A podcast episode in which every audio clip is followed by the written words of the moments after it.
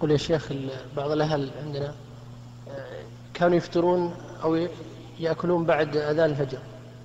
لما ذكرت لهم ذلك ذكر قال ما في شيء غير ذلك. فهل فما حكم الأمر هنا يعني؟ ما في شيء ليش ما في شيء؟ هم يقولون فأنا نبهتهم قلت هذا الذي الكورة والضحى وقول ما في شيء. فما الحكم في الأيام الماضية؟ لهم كلمة ما في شيء هذه ما هي حجة. لكن نعم لو قالوا ما طلع الفجر مثل أن يكونوا في البر وليس حولهم أنوار وقالوا أنه شاهد الفجر ما طلع.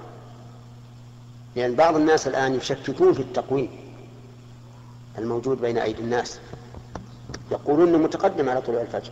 يقول نحن خرجنا برا وليس حول حول أنوار ورأينا الفجر يتأخر حتى بالغ بعضهم وقال أنه يتأخر بثلث ساعة. نعم. لكن هذا الظاهر لا يصح. الظاهر إن التقويم اللي بين بين أيدي الناس الآن اللي هو تقويم أم القرى فيه تقديم خمس دقائق في الفجر خاصة. خمس دقائق. يعني فلو أكلته يؤذن فلا حرج. إلا إذا كان المؤذن يحتاط ويتأخر. لأن يعني بعض المؤذنين جزاهم الله خير يحتاطون ولا يؤذنون إلا بعد خمس دقائق من التوقيت الموجود الآن. وهذه المسألة مسألة خطيرة. وبعض جهال المؤذنين يتقدمون في آذان الفجر. زعما منهم إن, أن هذا أحوط للصوت لكنهم ينسون أنهم يهملون ما هو أشد من الصوت وهو صلاة الفجر. ربما يصلي أحد قبل الوقت. والإنسان إذا صلى قبل الوقت ولو بتكبيرة الإحرام ما صحت صلاته. ثم هم يقول نحن نحتاط. نقول تحتاطون أكثر مما احتاط الله للعباد. إن الله يقول حتى يتبين لكم الخير. حتى يتبين. يتبين الفجر. حتى التعبير ليس ليس يقول حتى يطلع الفجر. حتى يتبين.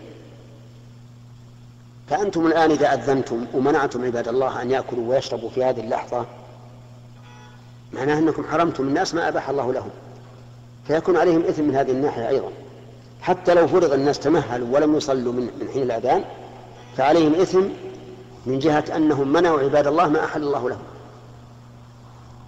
فالجهل مشكل. الجهل داء قاتل. بعض الناس يكون جاهل يكون جاهلا وينظر بعين الأعور. الأعور يرى من جانب واحد الجانب الثاني مهمل ما يشوف.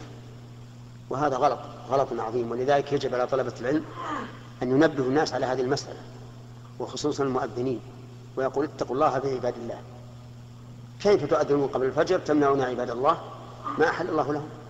ربما يكون الإنسان تو قام من النوم وعطشان ويريد أن يشرب ولكن لورعه وتقواه لما سمع المؤذن أمسك.